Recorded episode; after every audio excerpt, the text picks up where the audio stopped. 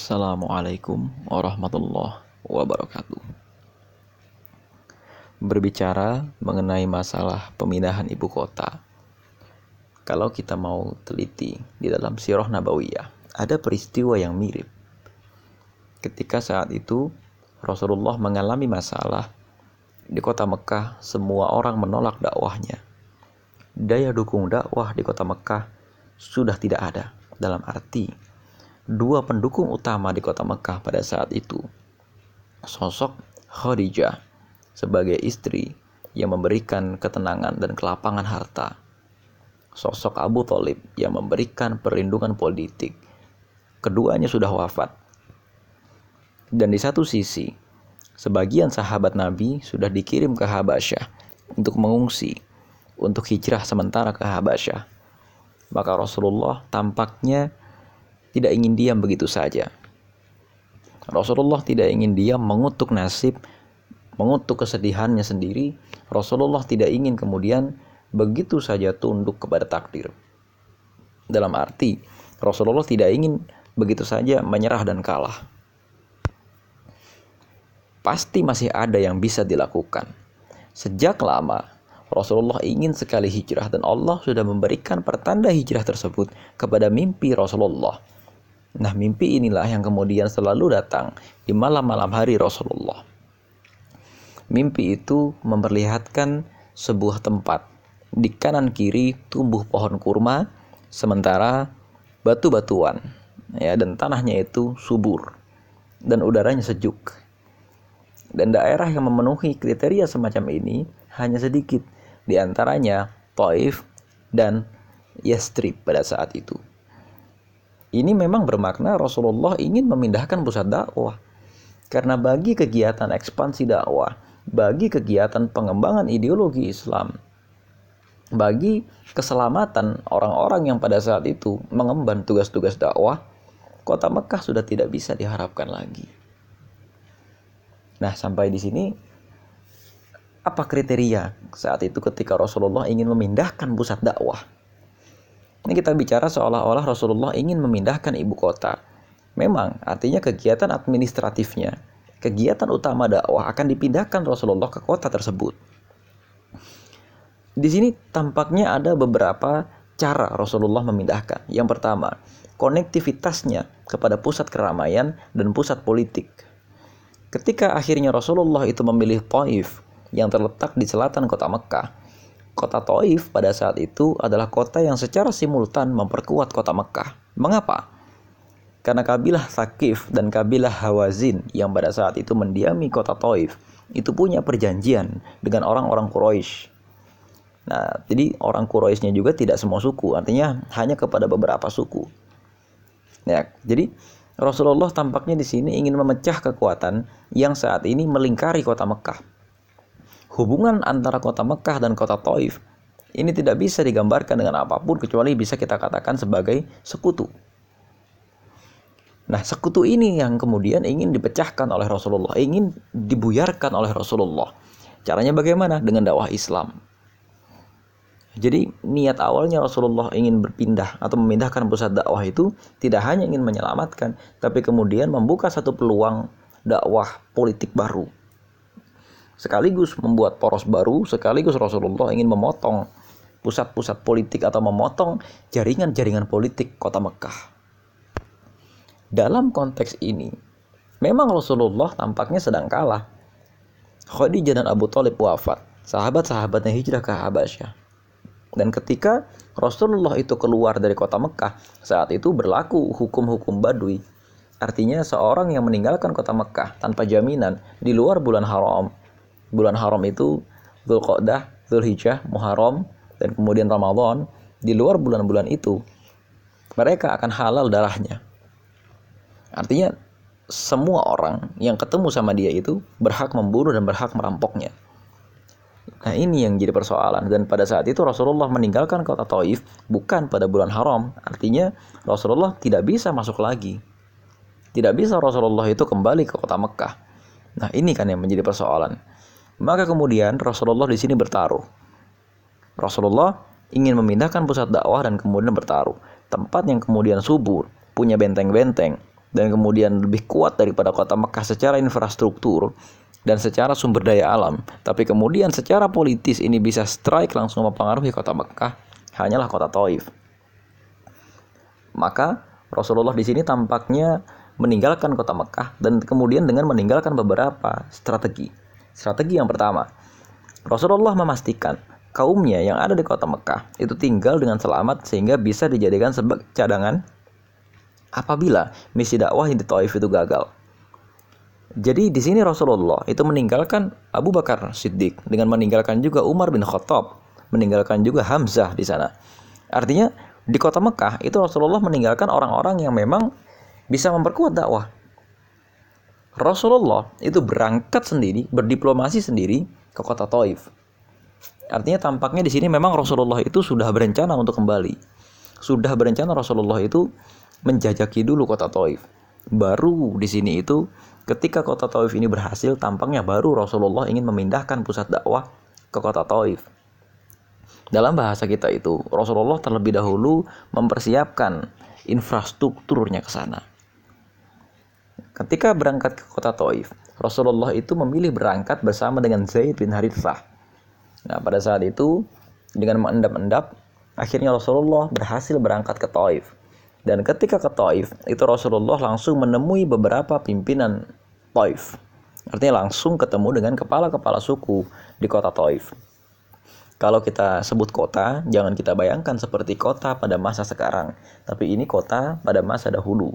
Artinya strukturnya tidak ada wali kota kalau di kota zaman dulu itu, di di Arab terutama ya. Ini strukturnya itu ya kepala-kepala suku, kemudian mereka hidup bersama di satu pagar.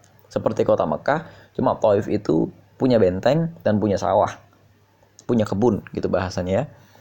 Rasulullah ketika menemui pemimpin-pemimpin mereka itu, ternyata ditolak mentah-mentah. Nah, ini kita analisis pelan-pelan.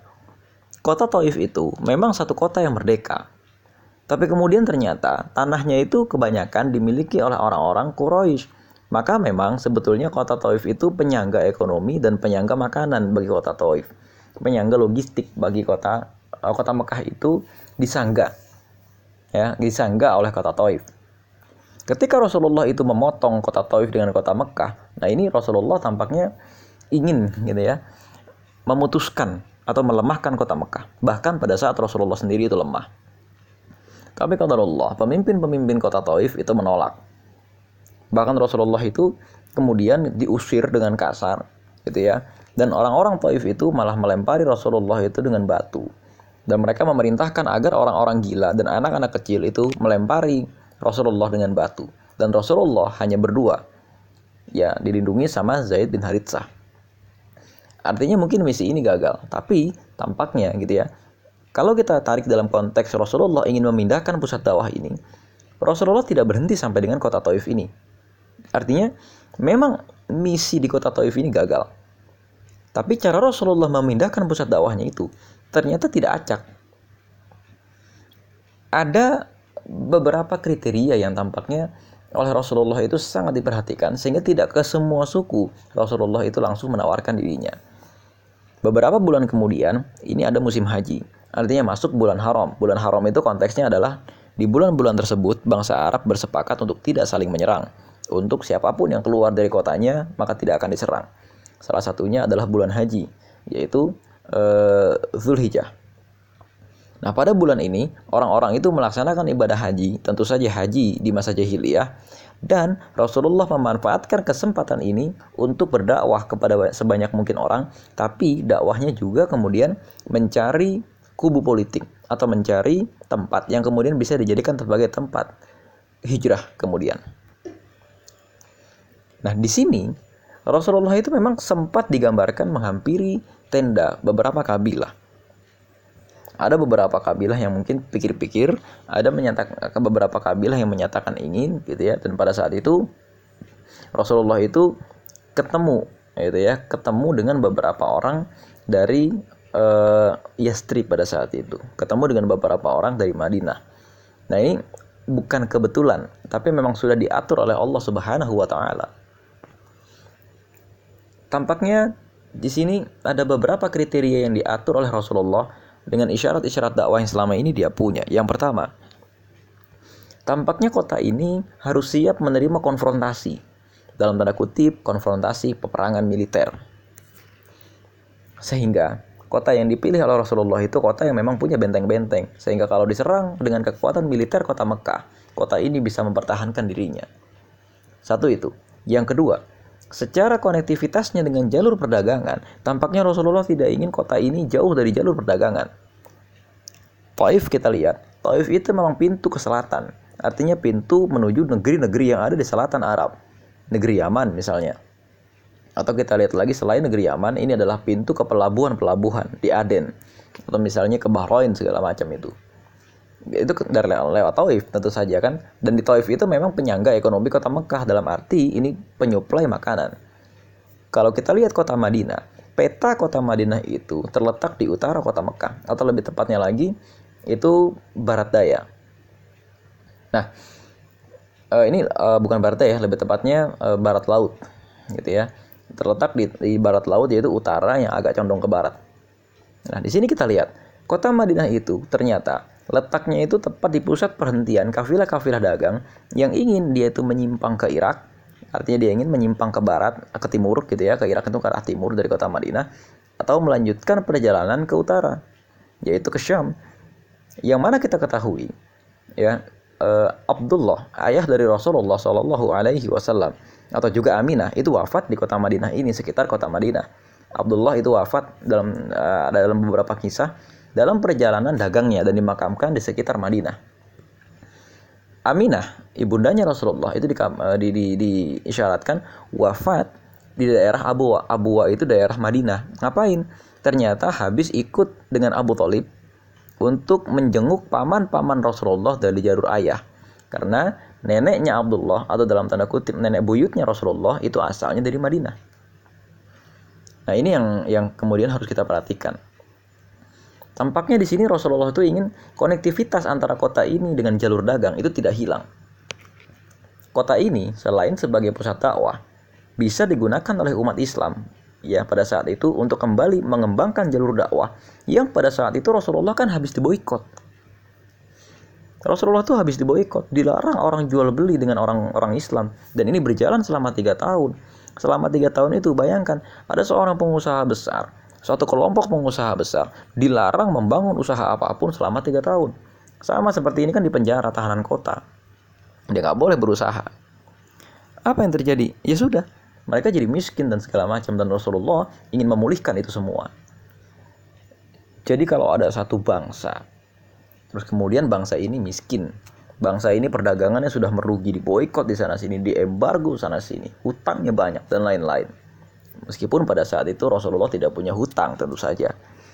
Maka ketika dia ingin memindahkan satu pusat kegiatan administratif kotanya atau dia ingin memindahkan pusat kegiatan dagang kotanya, pu pusat kegiatan e, kenegaraan bangsanya itu mau dipindah, konektivitasnya dengan jalur dagang itu harus dipikirkan itu yang pertama.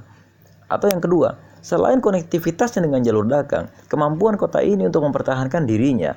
Dalam arti, kota ini gimana tradisinya? Kota ini bagaimana infrastrukturnya? Dan kalau bisa, memang kota ini dibangun dengan cara yang semurah-murahnya. Saat itu, Rasulullah itu ketika pindah ke Madinah kelak, itu hanya membangun masjid. Dan sisanya diplomasi-diplomasi militer paling memang di daerah itu perlu ada pembagian-pembagian tanah, sedekah-sedekah tanah atau e, dalam jangka waktu beberapa tahun ke depan itu perlu adanya berbagi, saling berbagi makanan. Untuk apa? Mensubsidi orang-orang yang kemudian baru datang. Anggaplah orang-orang yang baru datang ini yaitu orang-orang muhajirin nanti adalah orang-orang ASN. Ya sebagaimana konteks kita itu perjalanan ke Taif ataupun ke kota Madinah. Maka Rasulullah itu melihat kota ini haruslah kota yang mandiri. Dalam arti ini dia punya cadangan logistik. Biar jangan sampai ketika nanti datang ratusan orang muhajirin, orang-orang muhajirin ini menjadi masalah. Ratusan orang-orang yang akan hijrah pindah ke kota itu menjadi masalah sehingga kota itu malah berubah. Dari tadinya kota yang mandiri menjadi kota yang tidak mandiri. Nah, kita lihat di sini. Ini kecerdikannya Rasulullah ketika kemudian Rasulullah itu mencoba membangun satu basis atau satu pusat dakwah yang baru. Ini sangat terencana. Kita lihat kota Madinah. Semua orang yang mau dagang itu mau tidak mau melewati sekitar Madinah atau lewat di Madinah. ibaratnya ada jalur dalam kota Madinah, ada lingkar luar Madinah. Lingkar dalam kota Madinah atau lingkar luar kota Madinah. Nah, ibaratnya orang-orang Quraisy atau siapa pun itu kalau mau dagang ke utara, itu mesti lewat jalan tol lingkar luar kota Madinah itu bahasanya. Kalau sekarang ada sih tol lingkar luar. Tapi dalam tanda kutip, zaman dulu itu lewatnya sekitar kota Madinah, ngambil airnya di Madinah, istirahatnya di Madinah. Nah ini yang kemudian kenapa Rasulullah itu hati-hati sekali memilih ke mana pusat dakwah itu dipindah. Dan Rasulullah sudah mempersiapkan, artinya ketika turun surat Az-Zumar, wa ardullahi wasi'ah. Innama yuwaffas sabiruna ajrahum bighairi hisab. Ini semua orang-orang muslim yang ada di Mekah pada saat itu. Di warning siap-siap kita akan pindah. Artinya apa? Siap-siap kita akan membangun hidup yang baru. Semuanya sudah ikhlas meninggalkan harta bendanya yang penting pindah dulu untuk menyelamatkan budaya baru yang sedang dibangun menyelamatkan agama baru yang sedang dibangun. Dan tampaknya di sini akhirnya apa ketika orang-orang ini beneran pindah nanti gitu ya alasan mereka pindah itu bukan karena oh ternyata di kota yang baru ada proyek karena apa? Ini kan yang pindah sekelompok pedagang besar. Utsman bin Affan, Suhaib Ar-Rumi, Abdurrahman bin Auf, ya Abu Bakar As-Siddiq, Umar bin Khattab juga termasuk pedagang. Artinya mereka tidak melihat kota Madinah yang baru itu sebagai kota proyek. Ya, dalam arti kan kota Madinah itu banyak gitu pohon-pohon korma. Artinya mereka bisa bisnis korma. Di kota Madinah juga ada hasil bumi yang lain, buah-buahan dan lain-lain. Sekelompok pedagang-pedagang ini ketika pindah itu tidak kemudian memperbodoh penduduk yang asli. Malah yang terjadi adalah ini saling membangun simbiosis mutualisme dengan penduduk yang asli. Ketika Rasulullah pindah ke ibu kota dakwah yang baru yaitu ibu kota Madinah dari sebelumnya yaitu kota Mekah yang sudah sumpek, sudah penduduknya sudah susah dalam tanda kutip kehidupan ekonominya sudah mampet di situ umat Islam sudah tidak bisa lagi berkembang. Ketika pindah ke tempat yang baru, ekonomi yang sedang dikembangkan oleh Rasulullah itu tidak kemudian mematikan ekonomi lokal. Oke, Rasulullah misalnya tetap membangun jalur perdagangan internasional di sana, tapi juga tidak mematikan sumber perekonomian lokal. Dan dalam konteks ini, Rasulullah tidak main mata dengan orang-orang dalam, kemudian main proyek dan lain-lain. Enggak. Mata uang di antara mereka adalah mata uang ideologis, mata uang religius, yaitu pertukaran agama mereka. Nah, inilah yang kemudian jadi soal. Dan kemudian Rasulullah di situ tampaknya sebelum pindah kita lihat setahun sebelum Rasulullah pindah di masa Bayatul Aqobah yang pertama itu Rasulullah mempersiapkan terlebih dahulu penduduknya. Kalau dalam bahasa kita sekarang menaikkan angka atau menaikkan level keterdidikan penduduk setempat. Caranya bagaimana? Anggaplah ya, anggaplah di sini mengirimkan satu profesor, mengirimkan pendidik ke kota Madinah yang namanya Muaz, eh, namanya Mus'ab bin Umair ya, bukan Muaz bin Jabal. Mus'ab bin Umair ini dikirim dan kemudian itu ada 12 orang gitu ya, ada 12 orang yang pada saat itu berbaiat dengan Rasulullah di Bayatul Aqabah yang pertama. 12 orang yang asli penduduk Mekah bersama dengan Mus'ab bin Umair berangkat ke Madinah. Nah, kemudian di Madinah ini mereka membangun, membangun dan terus membangun. Akhirnya terbentuklah satu masjid pertama yang dibangun oleh As'ad bin Suroroh As'ad bin Zurarah ini adalah salah satu pemimpin kota Madinah. Anggaplah masjid ini adalah universitas. Atau anggaplah masjid ini adalah pusat kebudayaan. Jadi sebelum Rasulullah itu hijrah, memindahkan ibu kota dakwah, terlebih dahulu Rasulullah itu mempersiapkan penduduknya. Karena apa? Sumber masalah yang ada di kota Mekah itu penduduknya. Meskipun sebelum itu, 12 orang yang beriman kepada Rasulullah di Bayatul Aqabah adalah para pemimpin kota Madinah.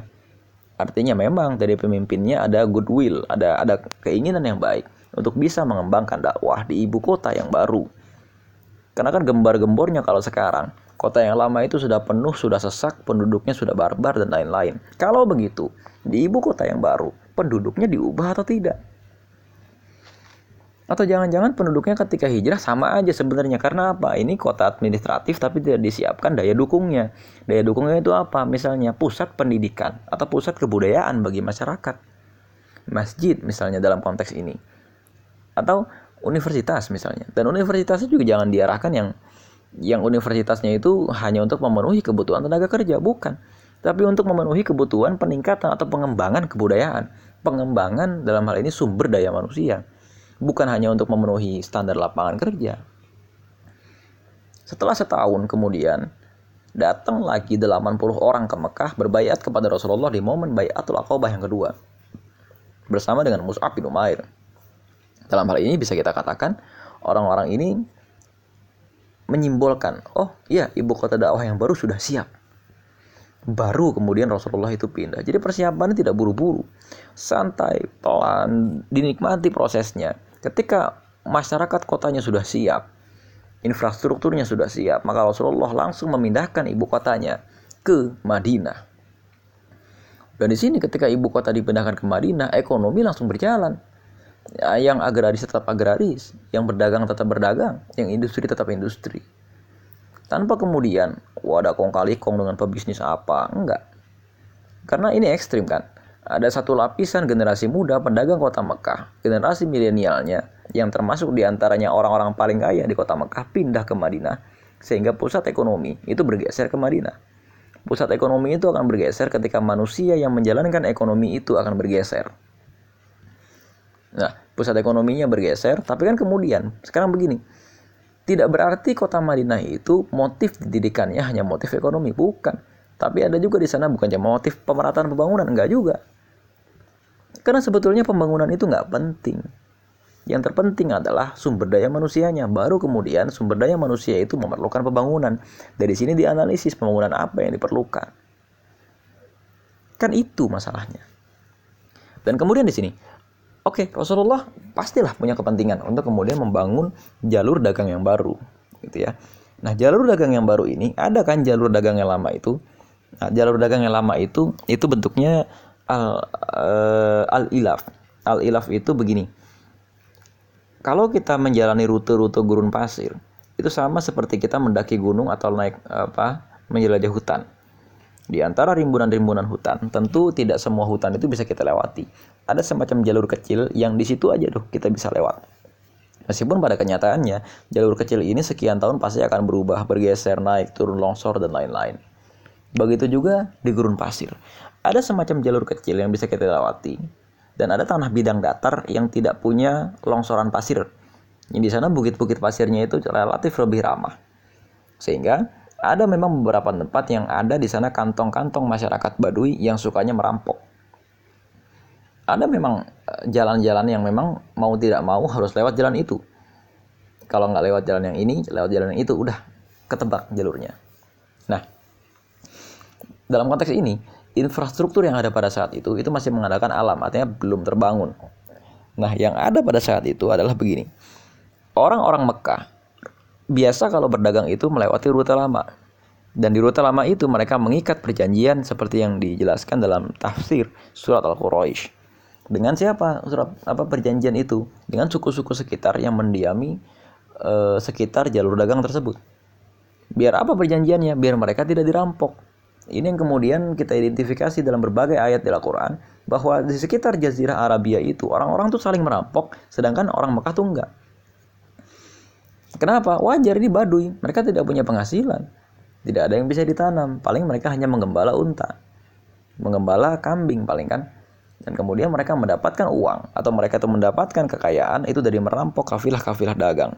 Tapi oleh orang-orang Quraisy diikat perjanjian sehingga mereka satu orang Quraisy itu membayar upeti atau yang kedua orang-orang Quraisy itu kemudian membawakan barang-barang dagangnya mereka atau yang ketiga mereka diberikan sejumlah fasilitas anggaplah ini adalah sebetulnya jalan tol, jalur-jalur dagang ini kan.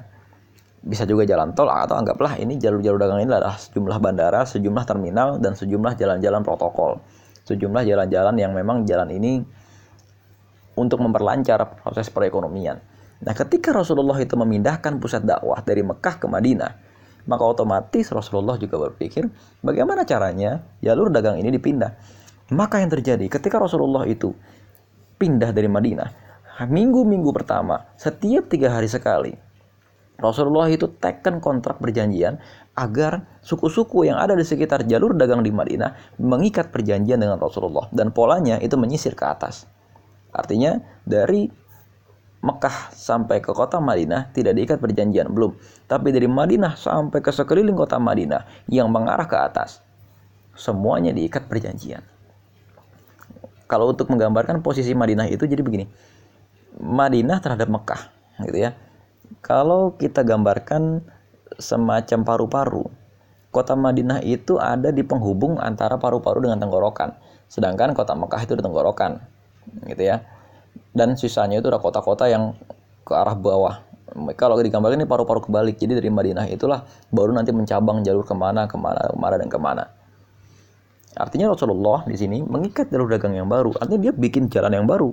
Dan jalan yang baru ini karena ikatannya itu ikatan akidah. Selain ikatan akidah juga diancam dengan kekuatan militer.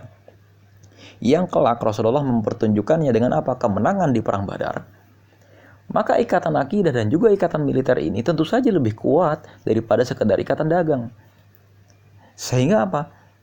Ini umat Islam perdagangan yang bisa maju bisa jalan sedangkan orang-orang Mekah perdagangannya ke stop terhambat karena apa jalur dagang dia menuju e, jalur dagang yang lama dipotong oleh Rasulullah artinya dalam proses pemindahan ibu kota tidak sederhana tapi ini kita bicara pemindahan ibu kota dakwah ternyata untuk sekedar pemindahan ibu kota dakwah saja Rasulullah memikirkan strategi masalah ekonomi nah ini sekarang kalau kita lihat pada proses proses pemindahan ibu kota yang baru.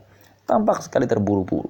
Dan sekitar ibu kota yang baru ini kulturnya itu kultur agraris. Tapi ternyata sejak tahun 2017, 2018, atau 2016 banyak proyek-proyek tambang itu dibangun di sana. Dan yang dibangun di sana itu bukan jalan bukan jalan langsung. Artinya gini. Kenapa yang dibangun itu bukan jalan umum? Iya membangun, betul. Kita butuh jalan, betul. Tapi yang jadi persoalan, bisa nggak dibangun jalan yang gratis?